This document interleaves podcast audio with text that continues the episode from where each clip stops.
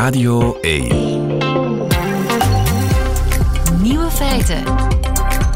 Met Lieven van den Houten. Dag en welkom bij de podcast van Nieuwe Feiten van maandag 6 november 2023. In het nieuws vandaag dat het wereldrecord kamperen aan een concertzaal dat dat wereldrecord waarschijnlijk gebroken is. Volgende week treedt Taylor Swift op in Buenos Aires in Argentinië. En zoals overal kamperen ook daar enthousiaste Swifties dagenlang van tevoren aan de concertzaal. Maar een honderdtal Argentijnse Swifties hebben de lat toch een stuk hoger gelegd. Want zij kamperen voor het stadion al sinds juni. Sinds juni. U heeft mij gehoord, de 100 Swifties delen in totaal vier kleine tenten en houden volgens een strikte beurtrol de wacht. Ze houden uur tot uur bij wie er in de tenten aanwezig was. Nachtelijke uren en shifts tijdens noodweer, die tellen dubbel. En de tenten hebben intussen zoveel bekijks, zeker wanneer voetbalmatchen in het stadion plaatsvinden, dat de politie een perimeter rond de Swifties heeft ingesteld. Wachten om te kijken naar de wachtenden. Maar hun lijden is al eh, bijna achter de rug, want donderdag treedt Taylor Swift op en kunnen de fans terug naar hun gewone leven. De andere nieuwe feiten vandaag. Zolang het grondoffensief bezig is, wil Israël geen staakt het vuren in Gaza. Maar hoe verloopt dat offensief eigenlijk? Zeesterren hebben alleen maar een kop en een staart, geen lijf. Wetenschapswatcher Hattie Helsmoortel schrijft haar derde nieuwjaarsbrief. En in Londen maakt een parlementaire commissie brandhout van het covid-beleid van Boris Johnson. De nieuwe feiten van Nico Dijkshoorn die krijgt u dan weer in zijn middagjournaal. Veel plezier.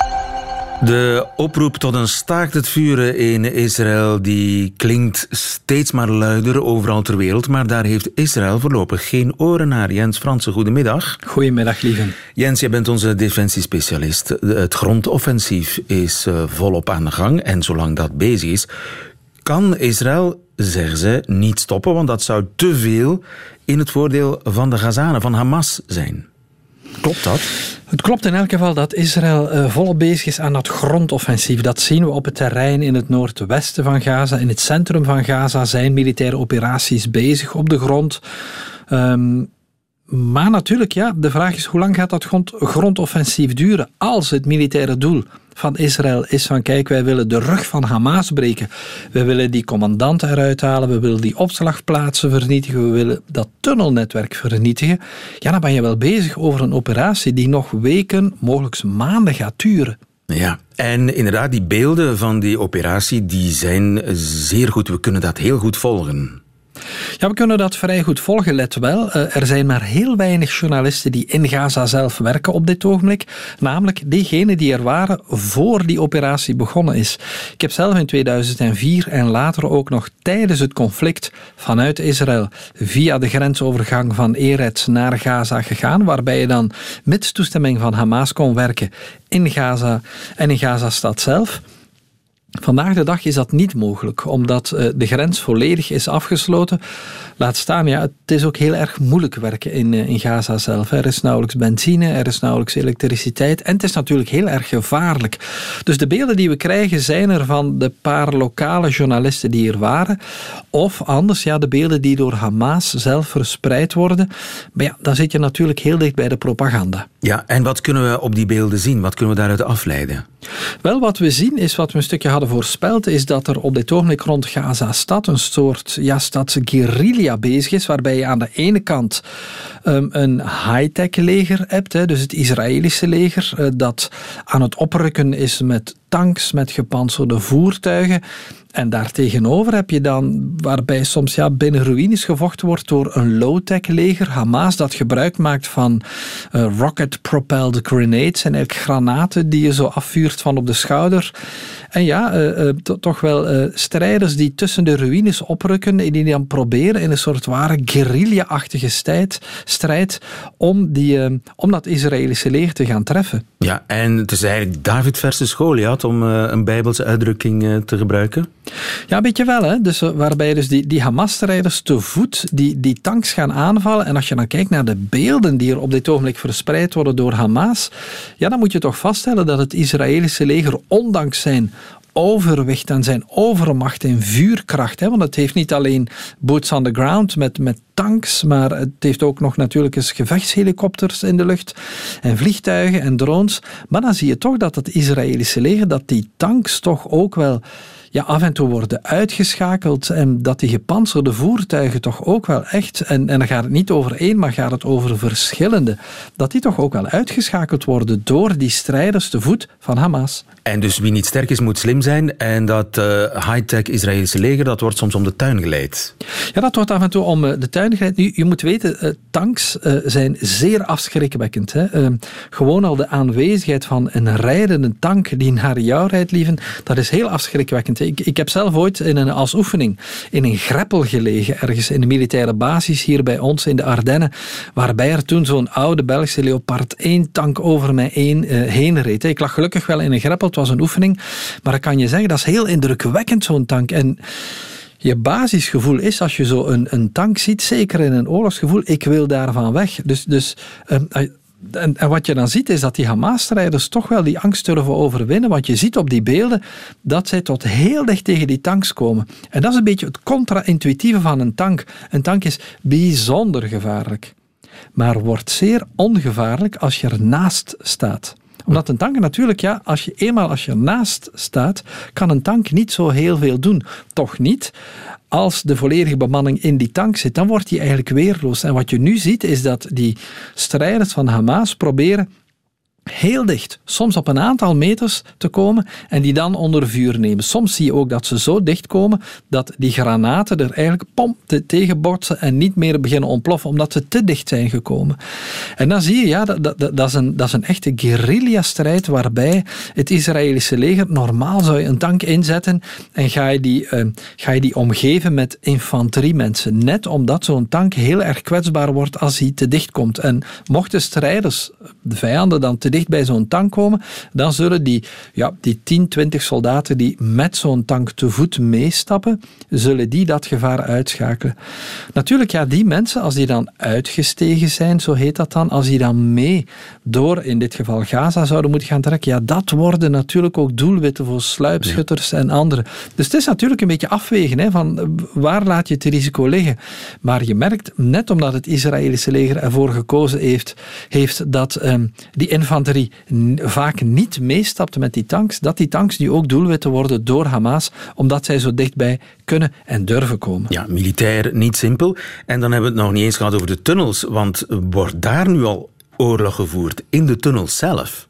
Ja, wat we vooral zien is dat uh, dus die grondoperatie, dat daarbij de bedoeling is um, dat, er, uh, dat die tunnels één worden opgespoord. We weten ook dat het Israëlische leger een eigen eenheid heeft, eenheden heeft die gespecialiseerd zijn uh, met nachtzichtapparaturen, met robots, maar ook met honden om in die tunnels te gaan opereren, wat men wellicht ook doet, want we gaan ervan uit uh, uit beelden en uit vorige um, gedocumenteerd, uh, omdat er vroeger al ooit eens um, uh, Israëlische soldaten gevangen genomen zijn, dat zowel de commandant als een deel van de infrastructuur allemaal ondergrond zit. Dus waar mogelijk probeert het Israëlische leger die tunnelnetwerk eerst te verkennen en, en, en te bekijken of daarin zit.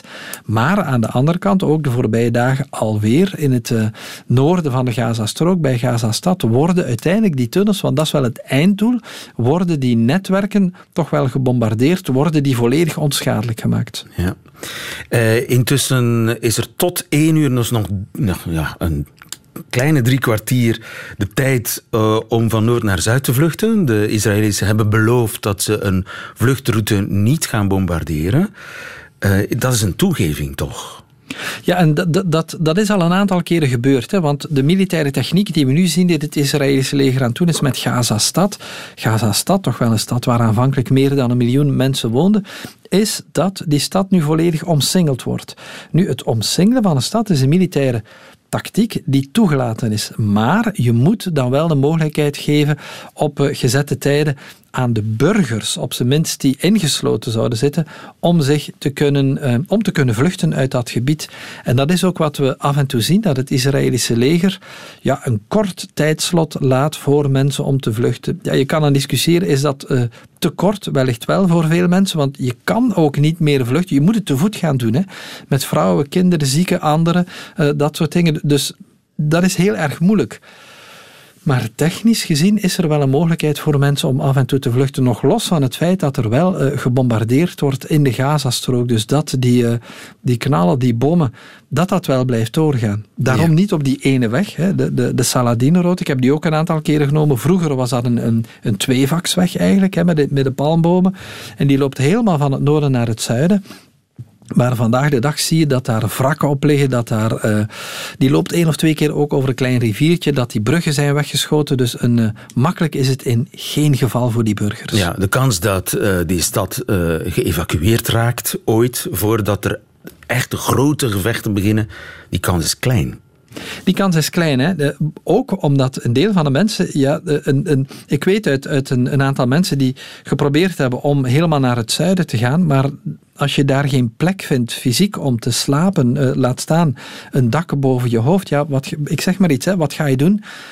als ouderpaar met drie of vier kinderen en, en, nog, en nog zieke oude ouders bij, wat ga je dan doen? Dan kan je wel vluchten naar het zuiden, maar de opvangplekken daar zijn vol. De ziekenhuizen liggen vol, de scholen liggen vol, de sportzalen liggen vol. Dus ja, als je daar dan op straat moet gaan liggen, dan kan ik mij voorstellen op een bepaald moment dat je zegt, kijk, dan trekken we nog liever terug naar ons eigen appartement, ondanks alle risico's. Jens Fransen, dankjewel. Tot de volgende. Graag gedaan. Nieuwe feiten.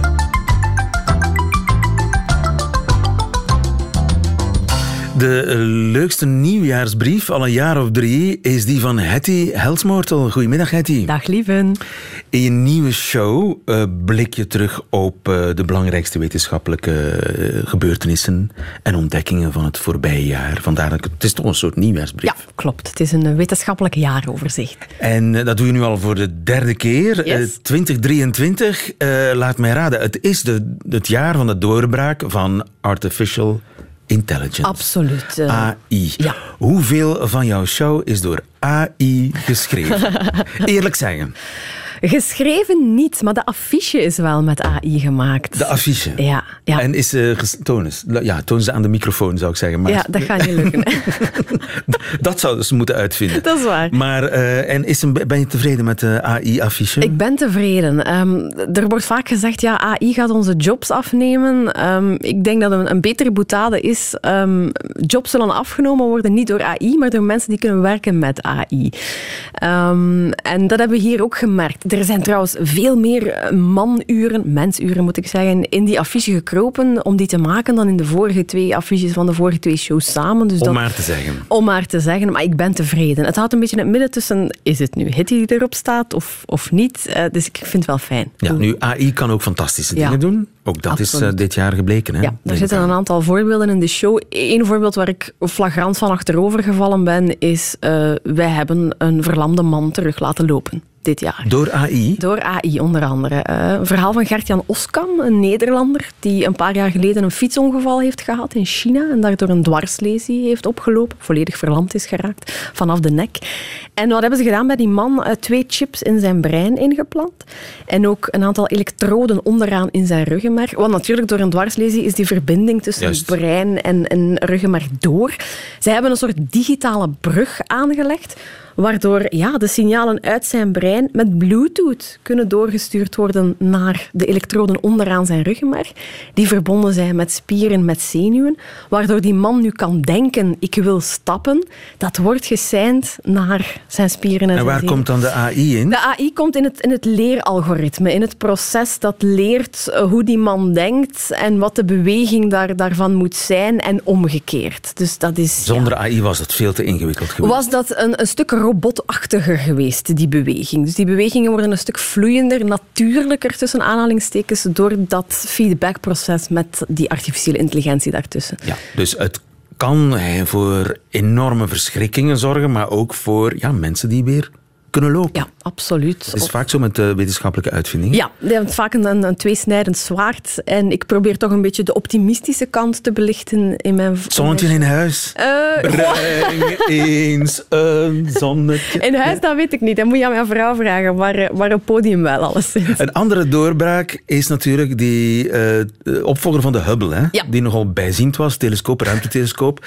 En nu is er een nieuwe. En dat is, hoe heet je ook alweer? De James Webb De. James Webb. Ja.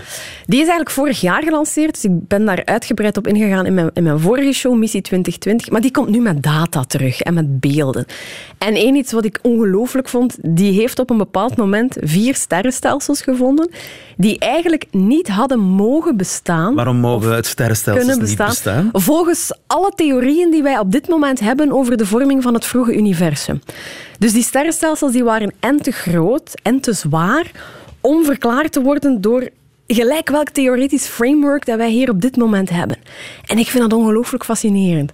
Op een moment dat we denken van, goh, we hebben het ongeveer wel allemaal onder de knie. Al die Nobelprijswinnaars en studiehoofden, al die mensen die een heel leven lang gestudeerd hebben, die, waarvan wij denken, wauw, hoe, doen ze het? Die mo- moeten eigenlijk met schaamrood op de kaken terug naar de tekentafel. Dat vind ik niet, want dat is ook een deel van wetenschap. Dat is nieuwe data die binnenkomen, toetsen aan wat bestaat er nu. De fysica is nu een beetje kapot, wordt er eh, al gezegd. Ja. Maar het is, het is een fantastisch spannend moment om nu aan, aan kosmologie te doen. Het zou heel goed kunnen zijn dat wij over 100 jaar terugkijken op het jaar 2022, 2023 in, in dit geval. En dat wij gaan zeggen, ja, maar toen hebben wij ontdekt dat het allemaal anders in elkaar zat dan dat we de 500 jaar daarvoor dachten. En dat is zo spannend om daar nu deel van uit te maken. dat ik dat heel graag wil de- delen. Het kan zijn dat de fysica-handboeken volledig moeten herschreven worden. Toch wat de vorming van het vroege universum betreft. Dat zien we niet in alle fysicalessen, maar eh, ja, het is, het is heel spannend. En het moet allemaal nog bevestigd worden en onderzocht worden. Maar er zijn op dit moment hiaten tussen wat die telescoop ons terugstuurt en wat we theoretisch kunnen verklaren. Ja, dus eh, de telescoop, AI, zijn er eh, uitvindingen vergeten geraakt, ondergesneeuwd? Door, door het, het geweld in de wereld, ja, toch wel. Ehm, ik, ik wil in de show ook een aantal ja, eh, dingen vertellen die het nieuws niet gehaald hebben. Een beetje fedivers met, met een grote Die doorvertelwaarde. zelfs nieuwe feiten niet Ja, gehaald dat hebben? weet ik niet. Ik weet niet of dat jullie het erover gehad hebben. Ehm, maar eentje waar mijn oog op viel was vrouwen die heel veel botox in hun gezicht hebben. Die hebben moeite met het lezen en interpreteren van gezichtsuitdrukkingen bij andere mensen. Dat is vreemd. Dat is heel Dat is vreemd. raar. Ze Ja, hebben moeite om zelf uitdrukkingen te. Absoluut, ja. Zo ja. van, eh, dan vraag je iemand met heel veel botox bij, waarom huil je niet? En dan antwoordt hij, ja, maar ik ben aan het huilen. Het gaat, nee, het doet pijn achter mijn oren. Nee, ja. Ehm, blijkt volgens dat onderzoek, als wij in gesprek zijn met mensen, dat wij onbewust met de spiertjes in ons gezicht de mimiek van onze gesprekspartner een beetje kopiëren. En het is de beweging van die kleine spiertjes die een signaal geeft naar ons brein, waardoor ons brein beseft, oh, we kijken naar iemand die geïnteresseerd is op dit moment. Ja, ja. Mensen met Imiteer dat een beetje. Ja. Ik moet dat een beetje kunnen doen zelf om het te lezen. Exact. Maar mensen met botox... Die ja, kunnen het niet die doen, zijn verlamd. dus die kunnen het ook niet meer lezen. Voilà, inderdaad. En zo zitten er een aantal verhalen in de show die ik wel leuk vind om... Eh, jij gaat vrijdag in première Ja. in Gent. Ja.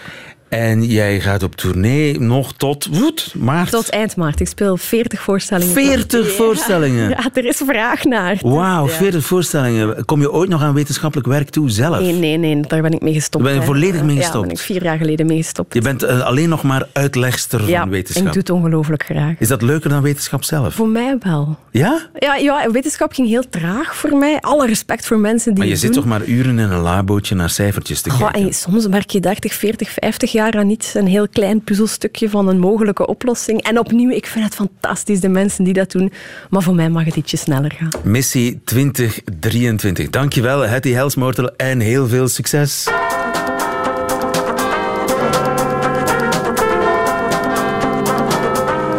London Calling.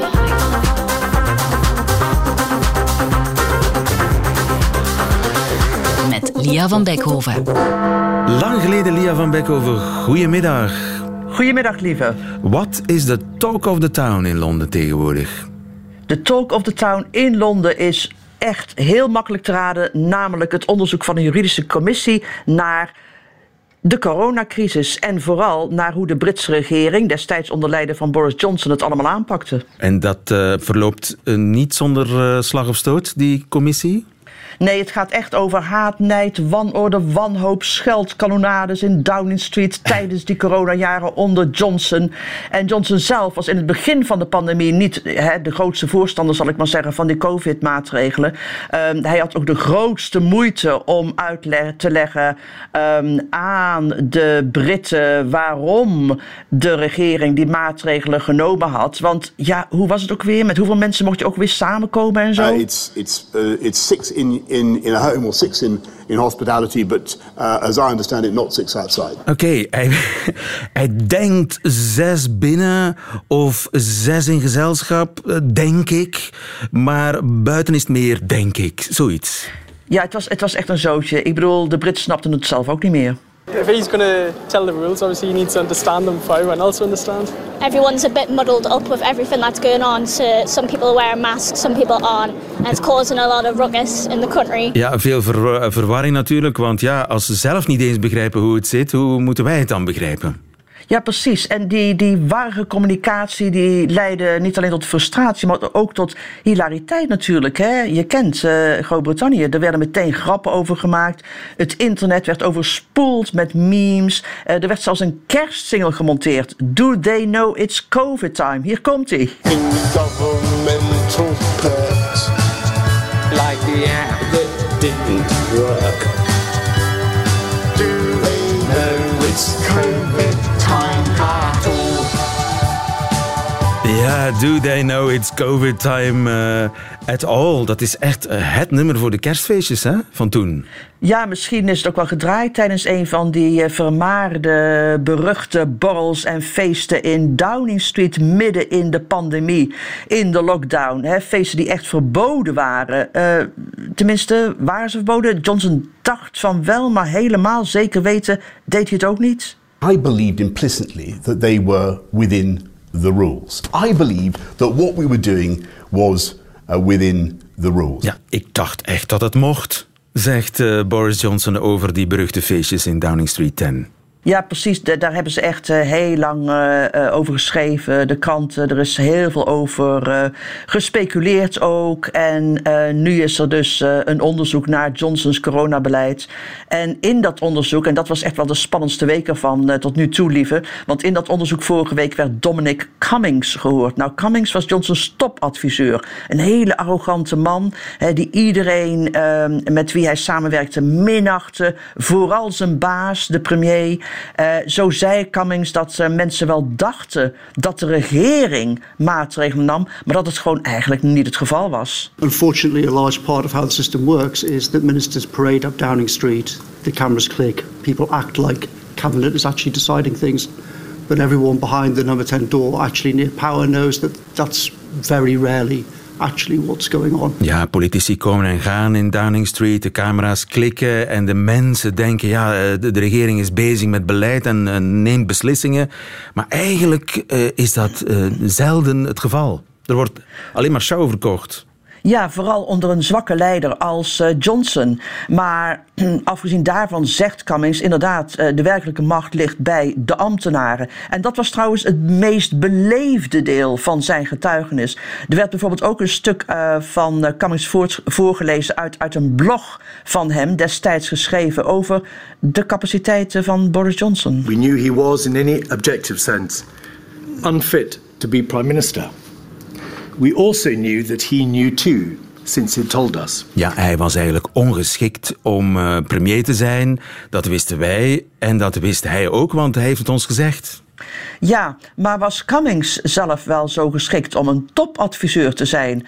Want uit die uh, WhatsApp-berichten uh, blijkt dat hij vrouwonvriendelijk was, Dominic Cummings. Hij was ruziezoekerig, hij was aanmatigend en ongelooflijk grof over iedereen, vooral ministers. You called ministers useless fuckpigs, morons, cunts. Do you think you contributed to a lack of effectiveness on the part of ministers? No, I think I was reflecting a widespread view. Ja, denk je dat jij bijgedragen tot een oplossing met al die uh, ja, fuckpigs, morons en andere denigrerende opmerkingen over ministers? Nee, zegt hij, ik was gewoon uh, reflecting a widespread view. Ik zei gewoon wat iedereen dacht. Precies. Er is trouwens, weet je wat ik ook zo interessant vind, lieve, in, die uh, berichten, die WhatsApp-berichten, nogmaals, het is niet achteraf gezegd. Hè, dat gebeurde allemaal in die tijd. Dus die WhatsApp-berichten en die aantekeningen en die memoires uh, van toen zijn nu voorgelezen door de aanklager en uitgelegd door mensen als Cummings en andere ministers. Maar er is alsmaar één plaatje, één emoji, hè, dat echt door veel adviseurs en woordvoerders gebruikt wordt uh, over de premier, om de chaos, om de onbekwaamheid van Johnsons leiderschap aan te duiden. Met één plaatje dus. Kun jij raden welk? Ah, een aapje misschien? Of een... Hij had een emoji waarmee ze bedoelden Boris Johnson. Ja, een trolley. Iets, een, een, een trolley? Een winkelwagentje. Dat winkelwagentje uh, werd in de hoogste regeringskringen synoniem met Johnson. En dat was omdat de premier voortdurend wankelde, wiebelde, steeds van gedachten veranderde. Weet je wel, wel een lockdown, geen lockdown. Iedere, soms van die binnen één dag van mening of die lockdowns al nodig waren. En zo stuiterde hij echt van de ene crisis naar de andere. Boris Johnson described as a trolley lurching between crises. And in WhatsApp messages to Lee Kane in March 2020, Cummings wrote, I've literally said the same thing 10 effing times and he still won't absorb it.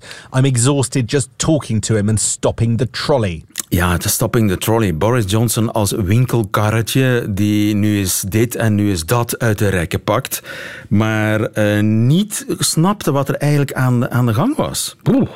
Ja, het, het, meest positieve oordeel, of tenminste het, het uh, minst vernietigende, kwam van een uh, woordvoerder die zei dat Johnson's vaardigheden niet bestemd waren voor deze crisis. If you look at something like COVID, you need quick decisions and you need people to hold the course and you know have that strength of mind to do that over a sustained period of time and not constantly unpick things because that's you know the, where the problems lie. So I felt it was the wrong challenge for him mostly. Ah ja, oké. Okay. Dus het wa hij was niet de verkeerde leider, het was de verkeerde challenge, de verkeerde uitdaging, het was het verkeerde probleem. Precies, verkeerde probleem.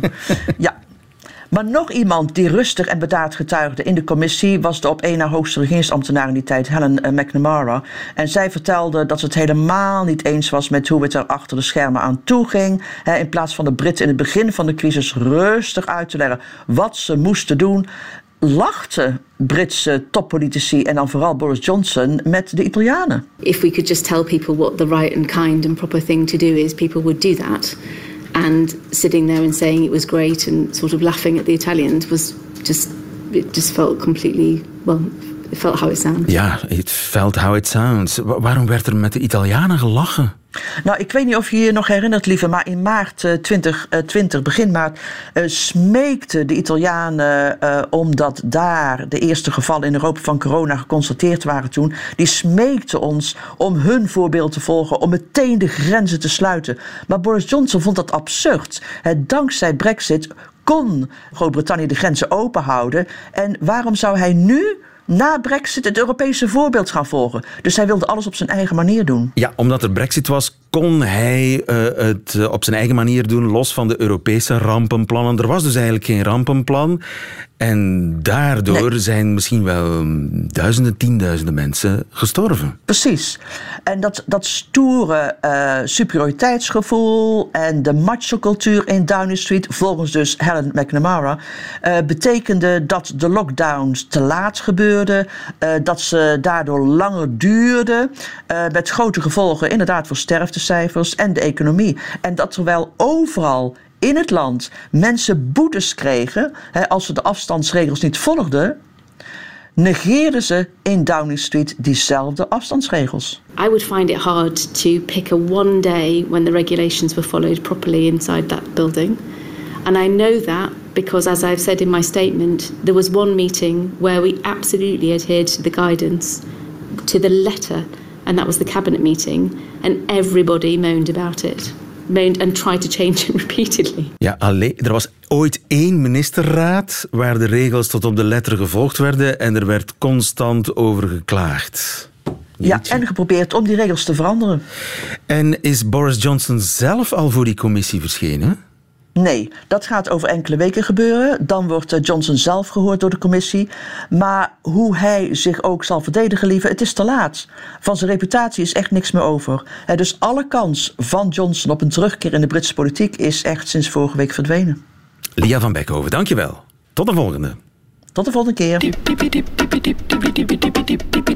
Nieuwe feiten. Quizvraagje. Hoeveel armen heeft een zeester? Zijn het er drie? Zijn het er vijf, zegt u? Hmm. Fout! Het antwoord is nul. Dirk Drouwlands, goedemiddag. Goedemiddag, lieven. Bioloog des vaderlands en knakjournalist. Hoezo nul? Ja, we gaan in de loop van het gesprek, vrees ik, de fout blijven maken. Maar we kunnen niet langer van armen spreken in de context van de zeester. Want wetenschappelijk onderzoek heeft aangetoond dat dat beest geen armen heeft, maar uitsluitend uitstulpingen van de kop.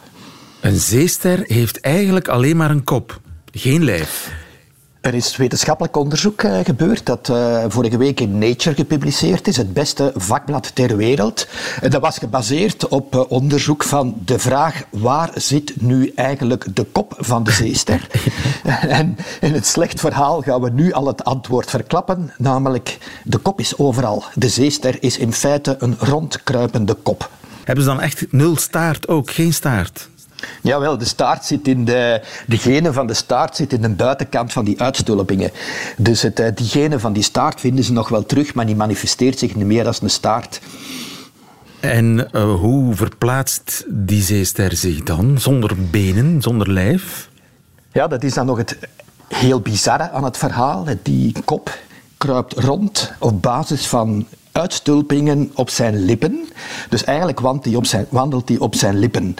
En, eh, en eh, die, hebben, die lippen waren oorspronkelijk, die uitstulpingsjes waren gemaakt voor de voeding, maar die zijn dan gerecycleerd geworden als pootjes, dus die hebben nu een dubbele functie. De zeesterren zijn dus effectief een rondkruipende kop.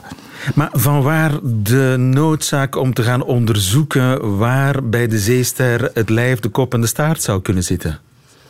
Wel, omdat men zich al eeuwenlang afvraagt van, van waar komt nu toch die, die vreemde vorm van die zeesterren. De meeste dieren die wij kennen, die zijn zoals wij um, een spiegelbeeld van zichzelf. Dus dubbel symmetrisch. De linkerhelft en de rechterhelft zijn zo goed als hetzelfde. Twee ogen, twee neusgaten, twee benen. Voilà.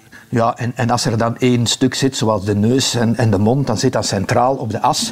Er zijn kleine afwijkingen. Zo hebben wij maar één hart en dat is iets dan, dan naar ene kant verschoven. Dus dat ligt niet perfect symmetrisch. Maar in C zijn de meeste dieren dus echt perfecte spiegelbeelden. Twee helften die een spiegelbeeld van, van elkaar zijn. En die zeesterren die zaten daar wat dat betreft natuurlijk uh, um, compleet anders Maar in je elkaar. hebt toch ook een, een, een, mossel? Is een mossel symmetrisch? Ja, ja, die dieren zijn allemaal symmetrisch. Als je die dus uh, dwars oversnijdt, heb je dus twee kanten die exact hetzelfde zijn. Okay. Dus het, dat is het, het lichaam van de mossel bedoel ik dan. Hè. Ja. Dus het, het is, een, het is ja, een constante in het, in het dierenrijk. Het punt is dat men heeft vastgesteld dat ook die zeesterren in embryonale vorm en in larvenvorm, die hebben diezelfde dubbele symmetrie. Dus die zien er ook uh, dus tweezijdig uit met de klassieke samenstelling van een lichaam van een kop, een romp en een staart. Die okay. je af en toe wel kunt, kunt kwijtspelen, zoals bij ons is gebeurd. Maar klassiek is Het een lichaam embryo. samengesteld. Een embryo, maar ook de larve, hoofd, romp, staart. Dat is ook bij die, zee, die, bij die zeesterren het geval. En wat gebeurt er nu? En dat is het bizarre van heel het spel, is dat in de loop van die larvale ontwikkeling gaan die beestjes, net zoals dikkoppen kikkers kunnen worden, een metamorfose krijgen van de jonge vorm naar de volwassen vorm. En in die metamorfose gebeurt dus een complete, wat men in de wetenschap eh, radicale evolutionaire makeover heeft genoemd, wow. naar een compleet andere lichaamsvorm. En dat is dus die uitbouw van die kop, die ook het lichaam van dat larfje compleet uh, assimileert, in zich opneemt. Die uitbouw van die kop tot die vijfvoudige symmetrie, maar je hebt ook zeesterren met zeven uh, armen, had ik bijna gezegd, uitstulpingen en soms tientallen, maar altijd zit daar die radiale symmetrie in. Die maakt dat je dus inderdaad een compleet andere lichaamsstructuur hebt gekregen zonder de romp. Ja. Die romp is compleet weggegaan uit de genetica van die volwassen zeesterren. Oké, okay. hebben we niet nodig, uh, staart niet nodig, alleen kop. En dat zou dus verklaren waarom uh, die zeester, ondanks die vijf tussen aanhalingstekens, armen toch symmetrisch is. Voilà, ja. Het is ook, de vraag blijft, waarom heeft men, tussen aanhalingstekens, hè, dan in de loop van de evolutie gekozen voor zo'n vijf, eh, vijfvoudige radiale symmetrie? Waarom is dat niks anders geworden? Mogelijk is dat toeval geweest. Dat gaan ze nu onderzoeken. Misschien gaan we daar nooit uh, achter komen. Maar het, uh, het, illustreert toch wel dat je dus niet die klassieke lichaamsvorm van hoofd, romp, staart nodig hebt om te kunnen floreren in de wereld. Want de zeesterren zijn eigenlijk uh, um, ja, alomtegenwoordig in de zee. Dus het, ze hebben het echt wel goed gedaan. Ja. Ook bizar uit dat onderzoek, lieven, is gebleken en dat wist ik zelf ook niet, dat als je dus naar alle ongewervelden samen kijkt, zijn de zeesterren het dichtst aan ons verwant. Hè? En niet alleen aan ons mensen, maar ook Ik kijk aan om mij heen en ik zie de mensen en ik denk... Ja, zeester? Alles behalve Nee, toch? Sommigen misschien. Ja. Maar we moeten wel, dan moet ik er wel eerlijk bij zeggen, we moeten wel minstens 550 miljoen jaar teruggaan in een tijd om de gemeenschappelijke voorouder te vinden. Maar men heeft dus nu ontdekt dat, uh, dat uh, zeesterren samen met alle gewervelden in een hele grote categorie van het dierenrijk zit, die men deuterostomen heeft genoemd, ja. terwijl de alle andere gewervelden zijn de zogenaamde protostomen. Hè, dat is dus proto 1, deutero 2. En de, het onderscheid ligt hem in het feit of de mond in de embryonale ontwikkeling al dan niet voor de anus wordt gevormd. Bij de protostomen, dus alle ongewervelden, is er eerst de mond, maar wij krijgen, samen met bijvoorbeeld de zeesterren, eerst de anus en dan Dat hebben we gemeenschappelijk de met de zeesterren. En dat is hetgeen dat ons heel ver terug in de tijd ja. uh, zo, zo, gemeenschappelijk maakt en ja. op basis waarvan men zegt van die zeesterren zijn eigenlijk dichtste van alle ongewervelden aan ons verwant. Dus Ja. voor hetzelfde geld, lieven, ben ik het wel een beetje op flessen aan het trekken, maar op, voor hetzelfde geld hadden wij op onze kop rondgelopen met Juist. vijf uitstulpingen. Er zijn mensen daartoe in staat, volgens mij. Met hun lippen stappen, volgens mij. Als uh, sommige vrouwen... Enfin, ik, nee, nee, nee, nee, dat schrap ik. Dat zou uit mijn mond zijn gekomen, maar dat uh, kwam niet uit mijn mond. Maar sommige mensen zijn er misschien... Ze lijken ertoe in staat om op hun lippen te kunnen lopen. Ja, we zullen, we zullen zien. Of met alleen maar kleine geval, voet, een en al hoofd met kleine voetjes. Bewezen dat het kan. Ja. Dirk Drouwlands, dankjewel. Goedemiddag. Goedemiddag, lieve. Radio 1. Nieuwe feiten. En dat waren ze weer, de nieuwe feiten van vandaag, 6 november 2023. Alleen nog die van Nico Dijkshoorn, die krijgt u nu in zijn middagjournaal. Nieuwe feiten. Middagjournaal.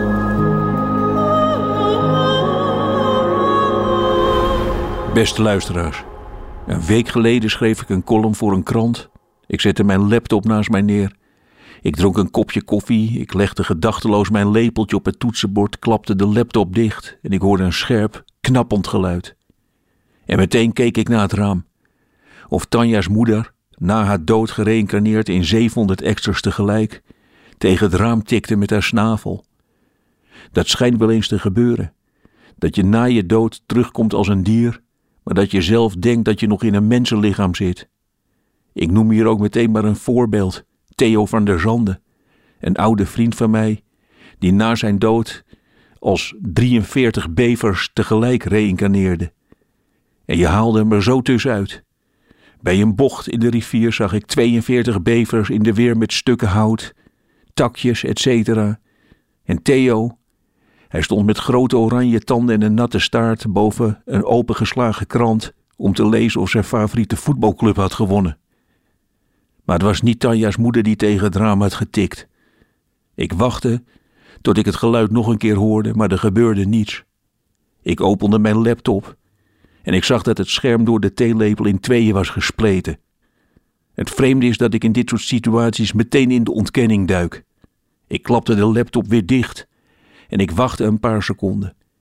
Deed hem weer open en verdomd, nog steeds kapot. Daarna volgde de volgende fase. Ik begon tegen het scherm te praten. Sorry, zei ik. Het kan gebeuren, maar kapot gaan is zo rigoureus. Je had toch ook gewoon even kunnen weigeren? Of dat je alleen maar een gek geluid maakte? Maar nee, dat moet allemaal meteen weer helemaal kapot, meteen weer voor het grote gebaar gaan. Ik heb dat altijd, als er onverwacht dingen kapot gaan. Ooit viel midden in een optreden met mijn band de hals opeens van mijn gitaar. Er is geen treuriger object denkbaar dan een gitaar zonder hals.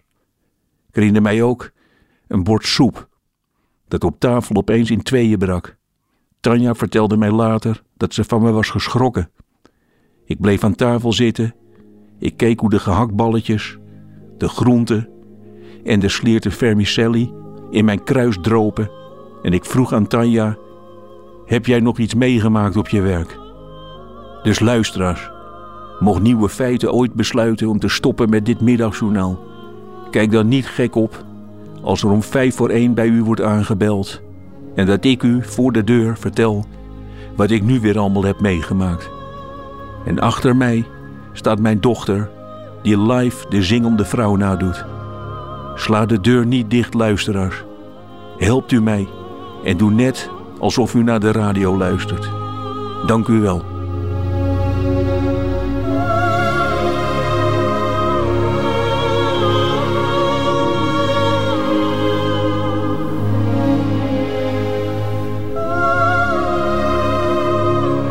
Mij zit daar een knap eh, businessmodel in, Nico. Ik wil gerust betalen om een vriend trakteren op een live middagjournaal met Nico. Einde van deze podcast. Hoort u liever de volledige nieuwe feiten met de muziek erbij? Dat kan natuurlijk altijd live tussen 12 en 1. Elke werkdag op Radio 1 of on demand via VRT Max. Tot een volgende keer.